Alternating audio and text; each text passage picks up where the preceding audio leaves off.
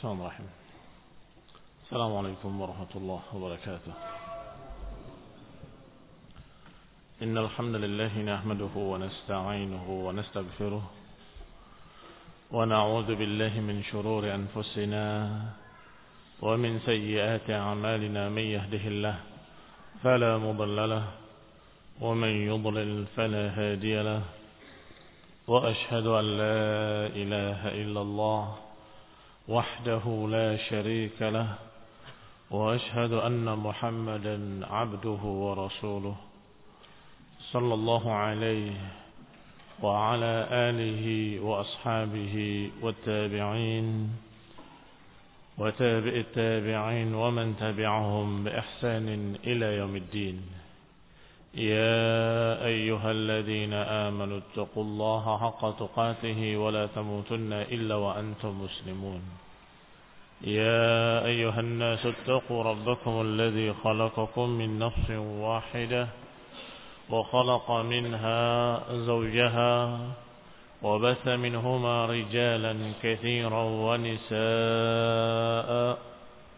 واتقوا الله الذي تساءلون به والأرحام إن الله كان عليكم رقيبا. يا أيها الذين آمنوا اتقوا الله وقولوا قولا سديدا. يصلح لكم أعمالكم ويغفر لكم ذنوبكم.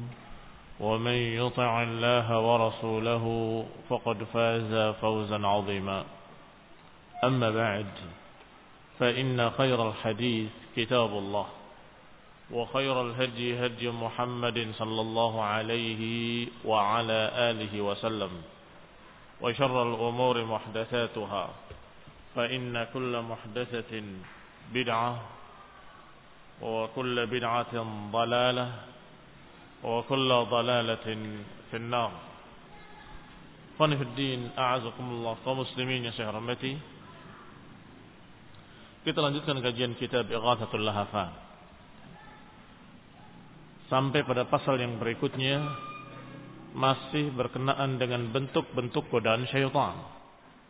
Qala Ibnu Qayyim rahimahullah, faslun wa min kaidihi wa khida'ihi annahu ya'muru ar-rajula binqita'ihi fi masjidin aw ribatin aw zawiyatin aw turbatin wa yahbisuhu hunaka. Di antara tipu daya syaitan dan di antara rencana jahat syaitan adalah dia memerintahkan pada seseorang untuk inqita'i fi masjidin, untuk terus-menerus menetap di masjid tertentu atau di tempat-tempat tertentu atau di sisi-sisi tertentu atau di tanah-tanah tertentu. Wa yahbisuhu hunaka dan kemudian dibisikkan untuk terus dia menahan diri di sana. Qanifidina azakumullah yahbisuhu hunaka yakni untuk terus-menerus menetap di satu tempat tidak ke mana-mana. Yanhahu anil khuruj. Syaitan melarang orang tersebut jangan keluar. Yaqulu lahu, syaitan akan berkata kepadanya, "Mata kharajta tabadalta lin-nasi wa saqatta min a'yunihim." Kalau engkau keluar, maka engkau berarti merendahkan diri di hadapan manusia. Yani menjatuhkan dirimu di hadapan manusia. Niscaya engkau akan jatuh kehormatanmu di mata-mata mereka. Ini bisikan syaitan. Wa dhahabat haibatuka min qulubihim. Akan hilang kewibawaanmu dari mereka kalau engkau keluar dari tempatmu. Wa rubama tara fi tariqika munkaran. Bisa jadi engkau kalau keluar dari tempatmu nanti engkau akan melihat kemunkaran-kemunkaran. Walil aduwi fi dhalika maqasid khafiyah yuriduha minhu. Khanifidina azakumullah. Dan musuh Allah ini memiliki tujuan-tujuan yang disembunyikan. Yuriduha minhu yang diinginkan dari orang ini. Jangan dikira itu anjuran baik. Dibisikkan kepadanya oleh syaitan, kamu itu sudah di sini saja. Kamu tetap di masjidmu, dikir ibadah, dikir ibadah. Nggak usah keluar-keluar dari masjid. Nggak usah ke mana-mana. Kamu kalau keluar dari masjid, nanti kamu akan lihat kemunkaran, lihat yang haram, lihat ini. Nanti kamu akan, kamu nanti akan jatuh derajatnya dan di mata manusia kamu tidak memiliki kedudukan lagi. Udah, jangan keluar. Di sini saja. hati-hati. Ini namanya tipu daya. Tipu daya itu sepintas kelihatannya benar. Tetapi di balik itu kata Ibnu Qayyim, lil aduwi fi dzalika maqasid khafiyah. Bahwa musuh Allah ini memiliki tujuan-tujuan yang tersembunyi. Yuriduha minhu, yang dia inginkan dari orang ini. Apa itu tujuannya? Al-kibru minha, di antaranya kesombongan wahtiqarin nas dan meremehkan manusia. Wahifdin namus menjaga nama. Nama diri, nama baik. Wa qiyamur riyasah untuk menegakkan kepemimpinan dalam masalah agama. Wa mukhalatatun nasi tudhib dalik Katanya kalau dengan bergaul dengan masyarakat atau bercampur dengan manusia akan menghilangkan itu semua. Akan menghilangkan derajatmu yang tinggi jadi jatuh. Dan engkau namanya tidak lagi seharum yang kemarin. Sehingga mereka terus menerus berada di tempatnya. Apakah di masjid terus menerus? Atau di satu tempat yang dikatakan tempat keramat terus menerus atau di tempat tertentu yang dijadikan tempat sebagai ibadah, sebagai tempat ibadah, apakah rumahnya atau mihrabnya terus menerus di sana. orang yang demikian. Sesungguhnya yuridu an yuzara wa la yazur. Orang ini ingin ditengok tapi nggak ingin menengok. Ingin didatangi tapi nggak ingin mendatangi. Ingin dijenguk tapi nggak pernah dia menjenguk orang lain. Apa namanya ini? Akhlak yang baik atau akhlak yang buruk? Sungguh ini adalah akhlak yang jelek dan ini adalah ciri-ciri orang yang sombong. Inginnya orang lain yang datang kepada dia. Sedangkan dia nggak mau mendatangi orang lain. Tetapi seorang yang mulia, Rasulullah SAW, dan kemudian diikuti oleh sahabatnya yang mulia Abu Bakar Siddiq radhiyallahu taala anhu dan diikuti setelahnya oleh para sahabat mendatangi, menengok orang sakit, menjenguk saudaranya. Itu adalah ibadah-ibadah yang mulia juga. Sesungguhnya itu amalan-amalan khair yang sungguh akan membawa kecintaan Allah kepadanya. Ketika seorang berjalan ingin menengok saudaranya, turun malaikat. Diutus oleh Allah Subhanahu wa taala. Ila aina turid? Ke mana kamu ingin berangkat? Maka dijawab oleh orang tadi, uridu akhan li fi hadhihi qaryah. Aku ingin menemui saudaraku di desa ini. Ditanya lagi oleh mereka tadi, halaka min ni'matin tarubbuha? Apakah engkau memiliki kenikmatan atau keuntungan dengan menengok orang itu tadi? Keuntungan apa kau dapatkan? Orang itu menjawab, la. Tidak. Illa anni ahbabtuhu fillahi ta'ala. Tidak, aku menengoknya hanya karena kecintaanku kepadanya karena Allah Subhanahu wa taala. Ketika dijawab betul-betul ikhlas bukan karena keuntungan apa pun, maka malaikat tadi berkata fa inni rasul, sesungguhnya aku rasul rabbika, aku adalah rasul utusan Rabbmu yang menghabarkan bahwasanya dia mencintaimu seperti engkau mencintai saudaramu. Ziyaratul marid, menengok orang sakit, takziah, e, mendatangi atau menghibur orang yang sedang mendapatkan duka, kematian keluarganya atau mengantarkan jenazah atau sekian amal ibadah. Ini juga ibadah. Jangan dikira yang namanya ibadah hanya di masjid saja. Kalau ada seseorang yang kemudian merasa kalau saya keluar dari masjid nanti kehormatan saya akan jatuh. Ini godaan syaitan. Itu jelas godaan syaitan. Karena yang namanya ibadah bukan hanya bentuk ibadah mahdoh yang ada di masjid. Tetapi masih sekian banyak bentuk-bentuk ibadah lain. Di samping itu, Rasulullah Shallallahu Alaihi Wasallam dalam para dan para sahabatnya juga manusia biasa yang mereka berjalan ke sana kemari, membeli kebutuhan-kebutuhan, datang ke pasar, membeli, menjual, berdagang. Demikian keadaan mereka. Dan itu menunjukkan kalau mereka tidak sombong. kembali kepada ucapan Ibnu Qayyim. Wa yuridu an yuzar wala yazur. Orang itu ingin ditengok tetapi nggak pernah dia menengok orang lain.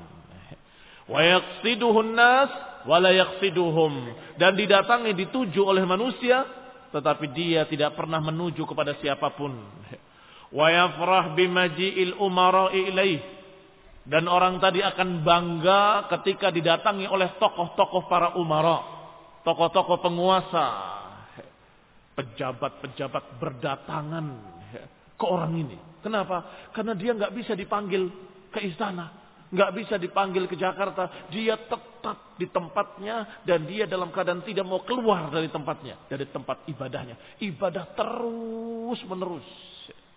Dikira yang namanya ibadah hanya dikir saja.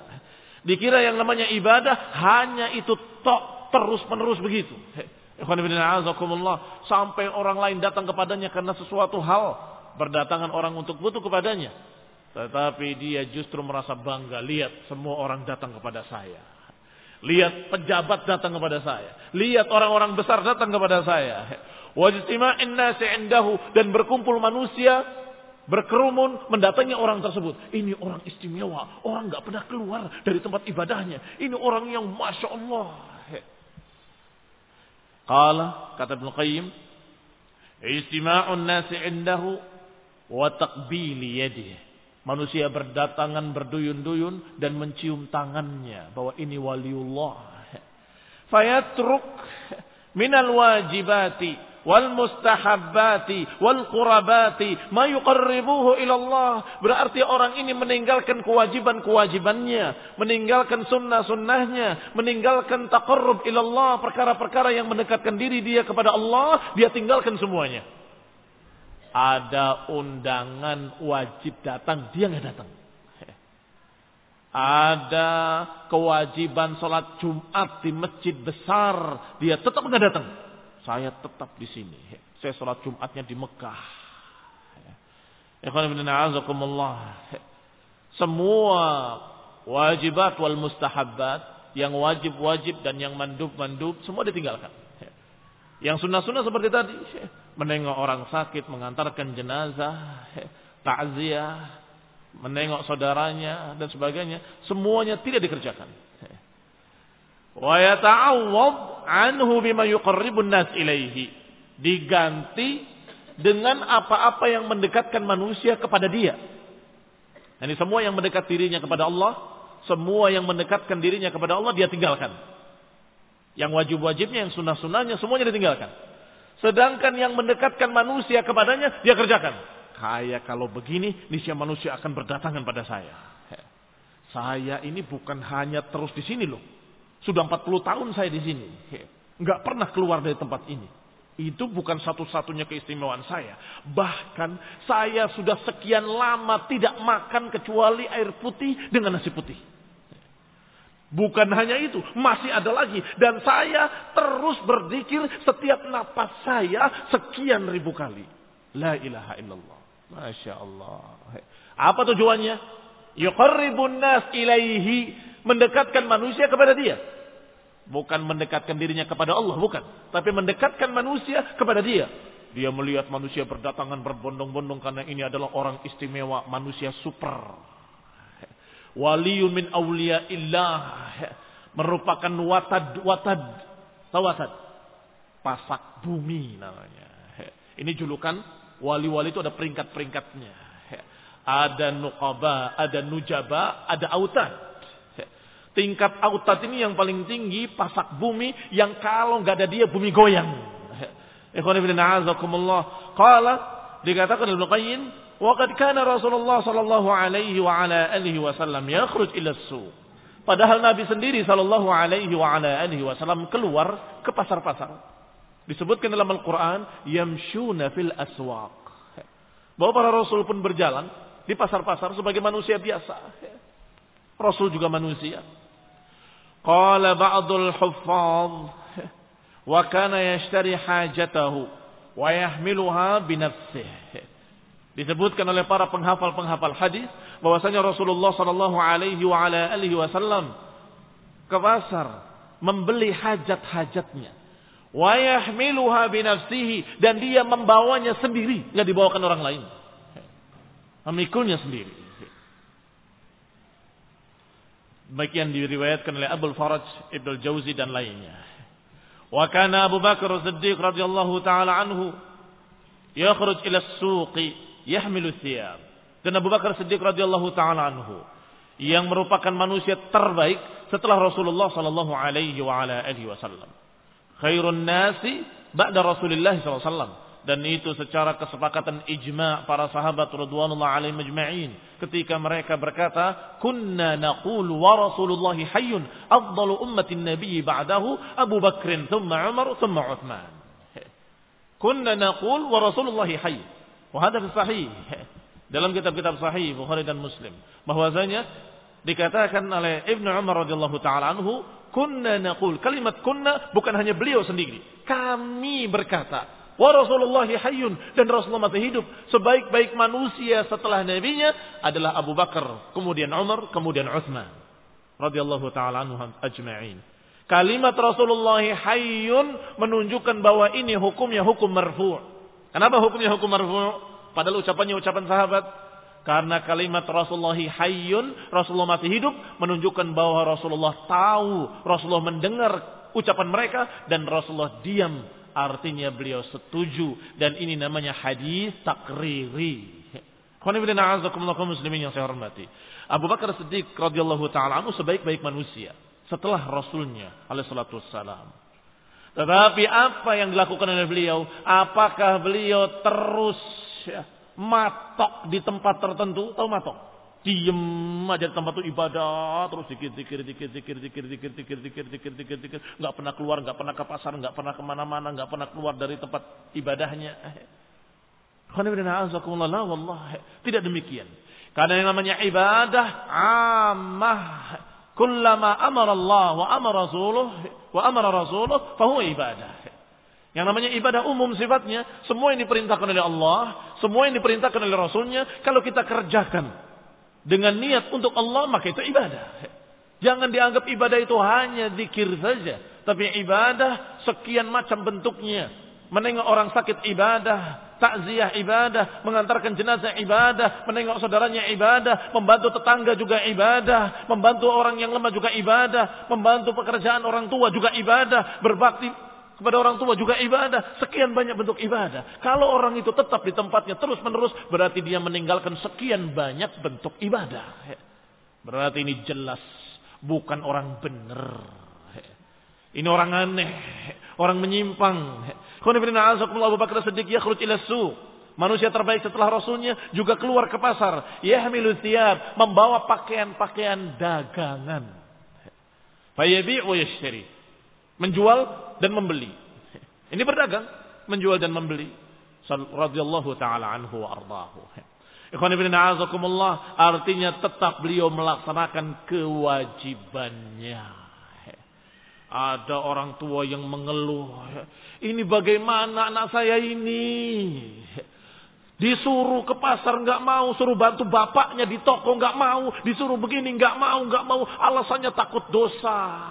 Takut saya kalau keluar banyak maksiat. Di rumah terus, di kamar terus.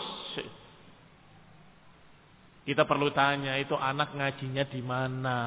Baca buku apa? Jangan-jangan salah asuhan. Salah ngaji.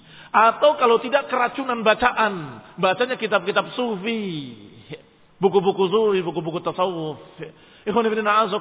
Dikira para sahabat itu di rumah terus. Oh mereka keluar suasananya lain. Kata siapa suasana lain. Fitnah tetap saja ada.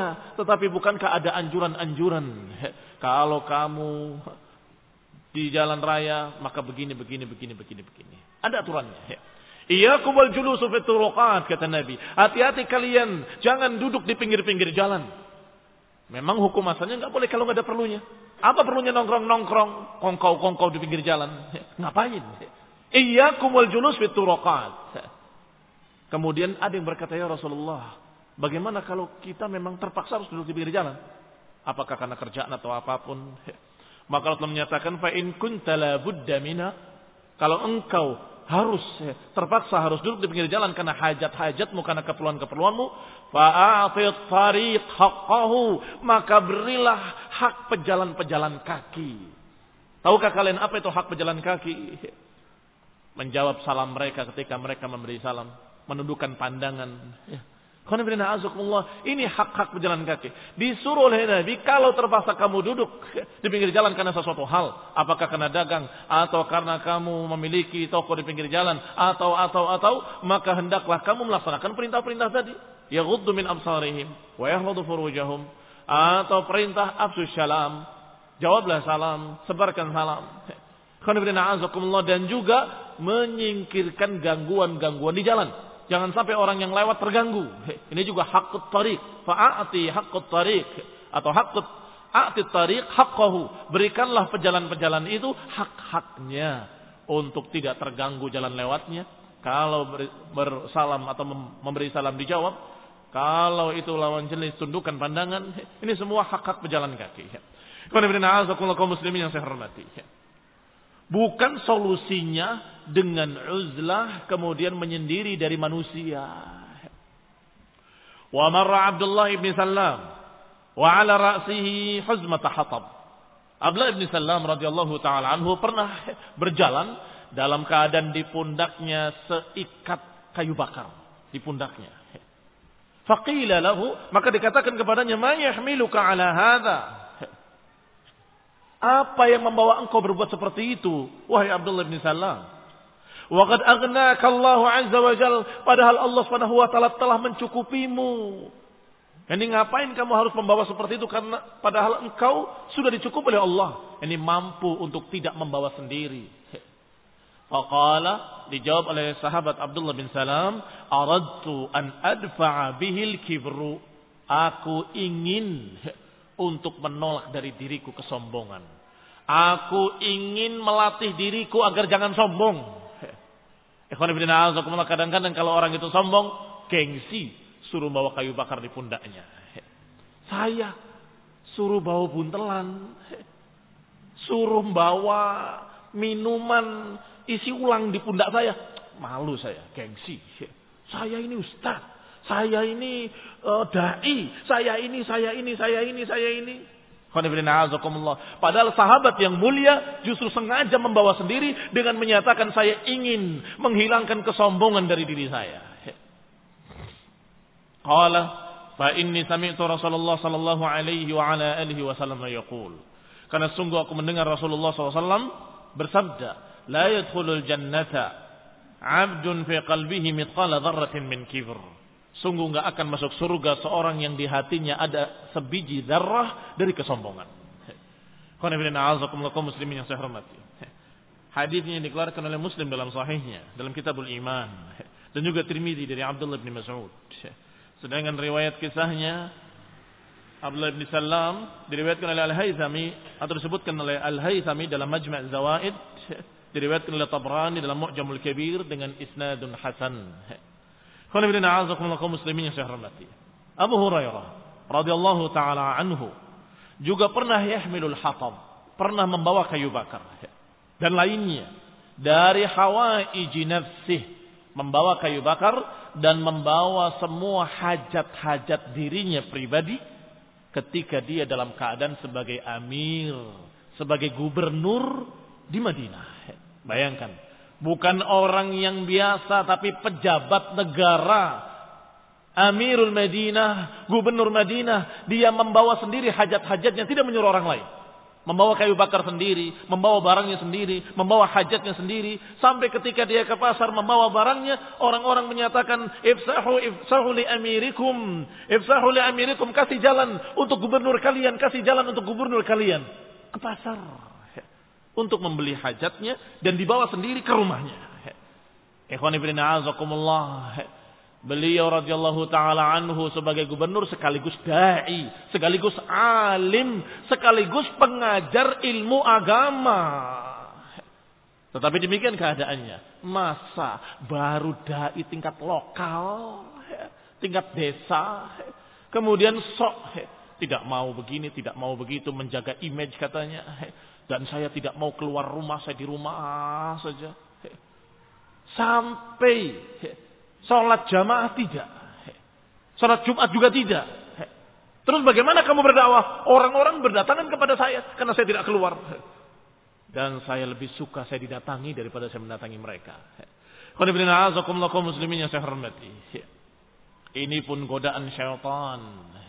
Bisikan-bisikan syaitan kepada mereka-mereka yang memang mau mendengarkan bisikan syaitan. Ini orang-orang yang fi qulubihim marad.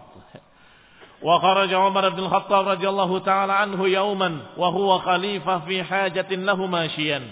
Umar bin Khattab radhiyallahu taala anhu pernah berjalan pada satu hari dalam keadaan beliau sebagai khalifah, bukan hanya gubernur, khalifah, penguasa negara Islam. Keluar untuk kebutuhan hajatnya berjalan kaki sendiri.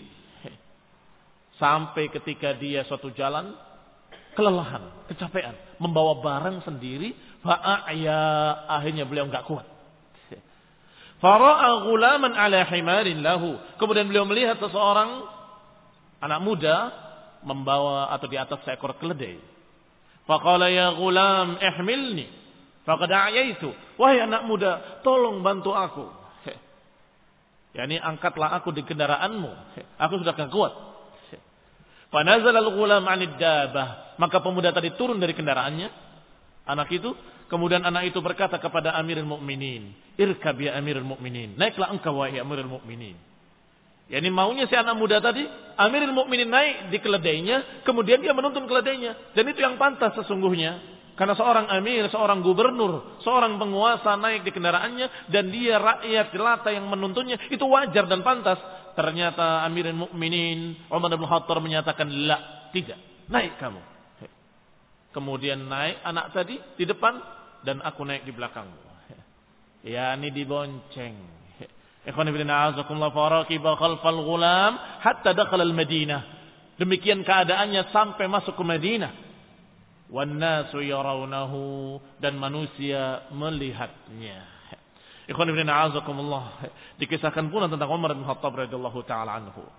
Ketika berjalan menuju Syam, bergantian menaik kendaraan dengan budaknya. Kamu yang naik, saya yang nuntun. Sudah lama perjalanan, baru ganti dia yang naik, budak yang nuntun. Terus bergantian.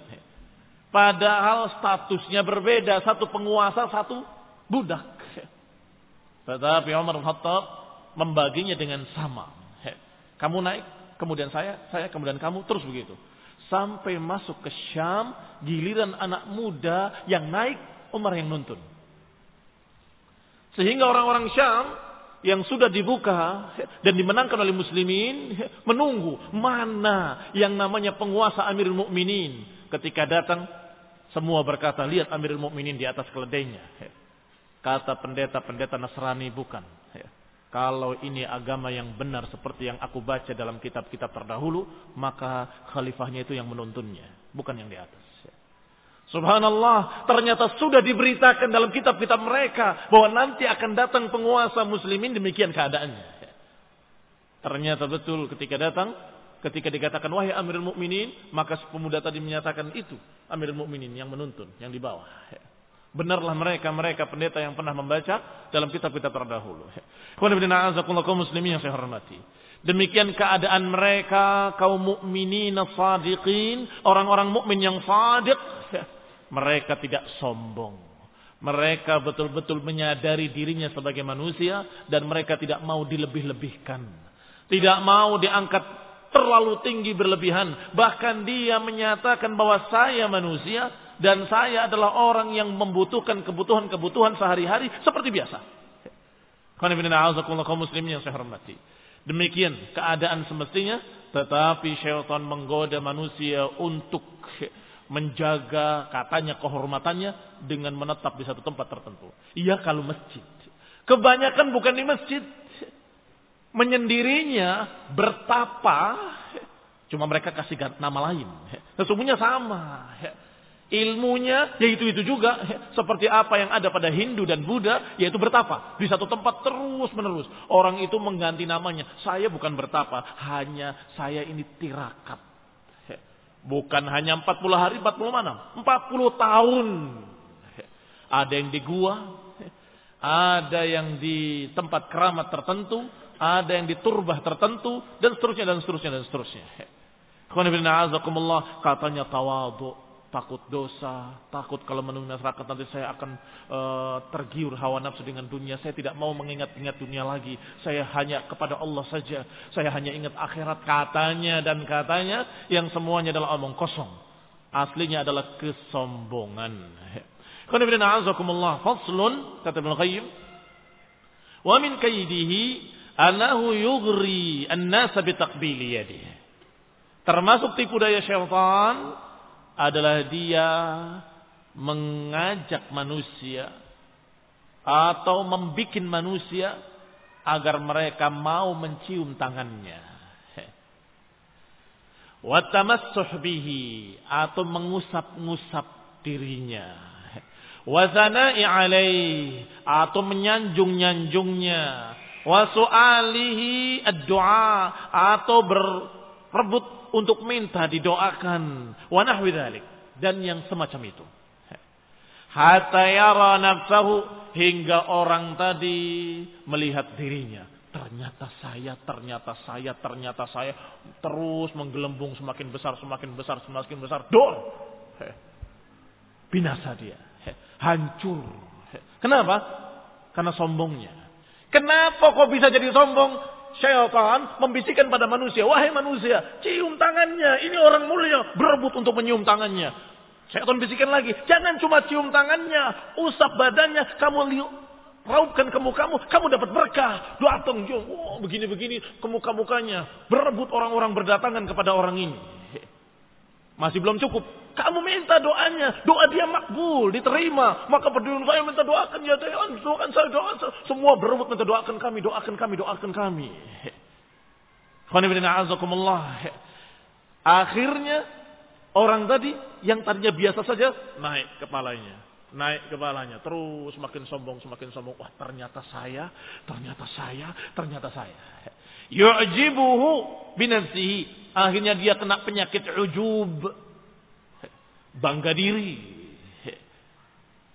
Walau qila lahu. Kalau saja ada yang berkata kepadanya.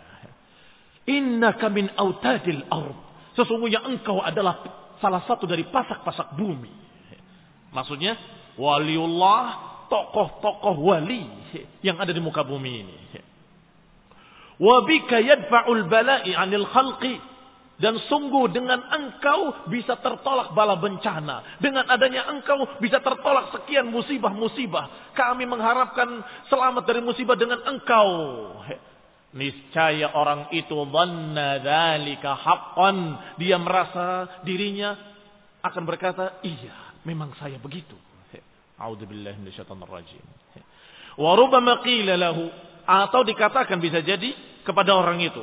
Innahu yutawassal bihi ila Allah Ta'ala wa yas'alullah Ta'ala bihi wa bihurmatihi fayaqdi hajatahum.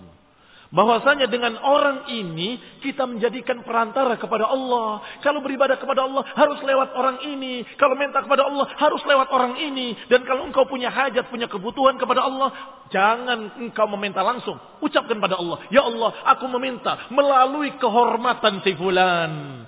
Melalui kehormatan orang ini, wali ini, habib ini dan seterusnya. Baru akan dikabulkan katanya. Kalau nggak begitu nggak akan dikabulkan. Niscaya orang itu akan menyatakan, iya memang. Harus melalui saya. Dan seterusnya. Paling tidak dia mengatakan begitu dalam hatinya. Diam. Senang. Fa'idha ra'a dhalik. Ketika dia melihat demikian. Yadunnuhu haqqan. Yafrah bihi. Yaqa' dhalika fi qalbihi. Mengena di hatinya. Yafrah bihi. Dia gembira dengan sanjungan-sanjungan seperti itu wa yadhunnuhu haqqan dan mengira bahwa itu adalah hak wa dzalika kullal halak dan itu adalah kebinasaan seluruh kebinasaan fa idza ra'a min ahadin minan nasi tajafiyan anhu kalau sudah begini keadaannya Maka ketika melihat ada orang yang biasa-biasa saja, tajafian anhu, tajafian, yakni kering, tidak ada sambutan, nggak ada penghormatan, nggak ada ucapan-ucapan gelar-gelar ketinggian, memanggilnya biasa saja. Aw qillatu khudu'in lahu atau kurangnya ketundukan kepadanya, tudammir lidzalik, sungguh dia akan jengkel wa wajada fi batinihi dan dia marah dalam hatinya. Kurang ajar orang ini. Biasa sajalah. Semulia-mulianya engkau tetap makhluk, tetap hamba Allah, tetap milik Allah, tetap manusia yang tidak memiliki kekuasaan apa pun, tetap manusia tidak memiliki penciptaan, tidak memiliki berbagai macam apa yang dimiliki oleh Allah. Sudahlah kamu manusia. Yang biasa-biasa saja. Jangan berlebihan. Asalnya bisa jadi dia belum sombong. Tapi ketika orang-orang itu mengangkatnya, mengangkatnya, mengangkatnya. Giliran ada orang yang memanggil dengan namanya saja ya fulan. Mengajar. Saya dipanggil namanya saja. Kurang ajar orang ini. Siapa dia? Dia nggak kenal saya. A'udzubillahi minasyaitonir rajim masih banyak kemungkinan-kemungkinan yang menyebabkan mereka memanggil namamu. Mungkin belum tahu keadaanmu sekarang sebagai syekh, sebagai ustadz. Belum tahu, taunya dulu. Ketika kamu masih kecil, temannya dia. Maka ketika kamu sudah besar, ketemu, ya bulan, apa kabarnya? Kamu nggak menjawab langsung buang muka. Kurang ajar. Manggil saya namanya saja. Dia nggak kenal saya. Kalau saya itu sudah ustadz besar, syekh kabir.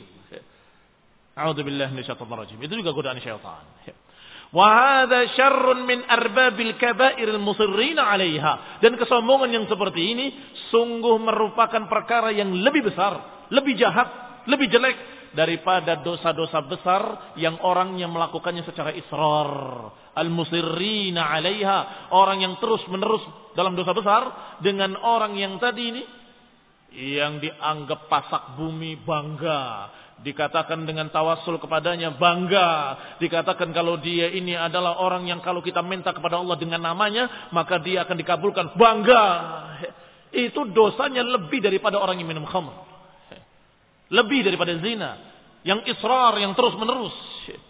Wahum akrabus salamata minhu. Bahkan ahli maksiat tadi, orang-orang ahli maksiat tadi lebih mungkin untuk bisa taubat lebih mungkin untuk bisa selamat daripada orang ini. Orang ini yang sudah kadung dia merasa besar, merasa ujub binafsihi, merasa dirinya sebagai orang yang super, lebih daripada para sahabat ridwanullahi majma'in, ini sungguh lebih mengerikan. Sebentar lagi dia jadi tauhid. Jadi tauhid disembah oleh manusia, berduyun-duyun datang manusia minta surga dan berlindung dari neraka bukan kepada Allah, tapi kepada orang ini kepada manusia yang katanya dia turunan Nabi. Bi masukin gue ke surga bibi. Iya iya kamu masuk surga. Innalillahi wa inna rajiun. Apakah yang punya kunci surga itu dia? Apakah yang punya kunci surga itu manusia?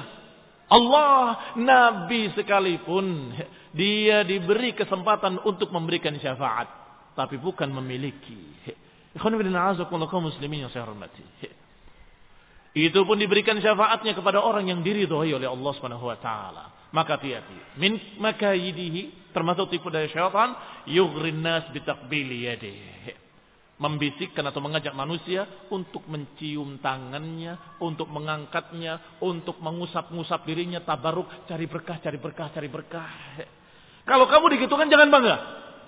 Nanti kalian calon-calon dai, calon-calon ustaz, ketika mereka sudah mulai berlebihan, tegur. Jangan berlebihan. Jangan berlebihan. Nanti akhirnya jatuh kepada gulu, jatuh kepada sombong, jatuh kepada syirik, jatuh kepada sekian banyak penyimpangan-penyimpangan dan kesesatan-kesesatan. kaum muslim yang saya hormati. Orang yang selalu waspada dengan godaan syaitan, insya Allah dia akan selamat. Sebab dia selalu waspada. Ini jangan-jangan godaan syaitan. Ini jangan-jangan tipuan dari syaitan. Walaupun kamu tidak menyalahkan orang itu, tapi menyalahkan syaitannya. Orang itu kita perlakukan dengan baik, jangan. Nggak usah berlebihan ya. Besok-besok jangan ya, nggak usah. kaum muslimin yang saya hormati. Demikian apa yang dikatakan oleh Ibnu Qayyim rahimahullah pada pasal-pasal berikutnya dan insyaallah kita akan lanjutkan باذنillah besok dan besoknya dan besoknya. Walaupun santri sudah libur, kajian tetap berjalan. Ya, barakallahu fikum. Subhanakallahumma hamdaka la ilaha illa anta astaghfiruka wa atubu ilaik. Wassalamualaikum warahmatullahi wabarakatuh.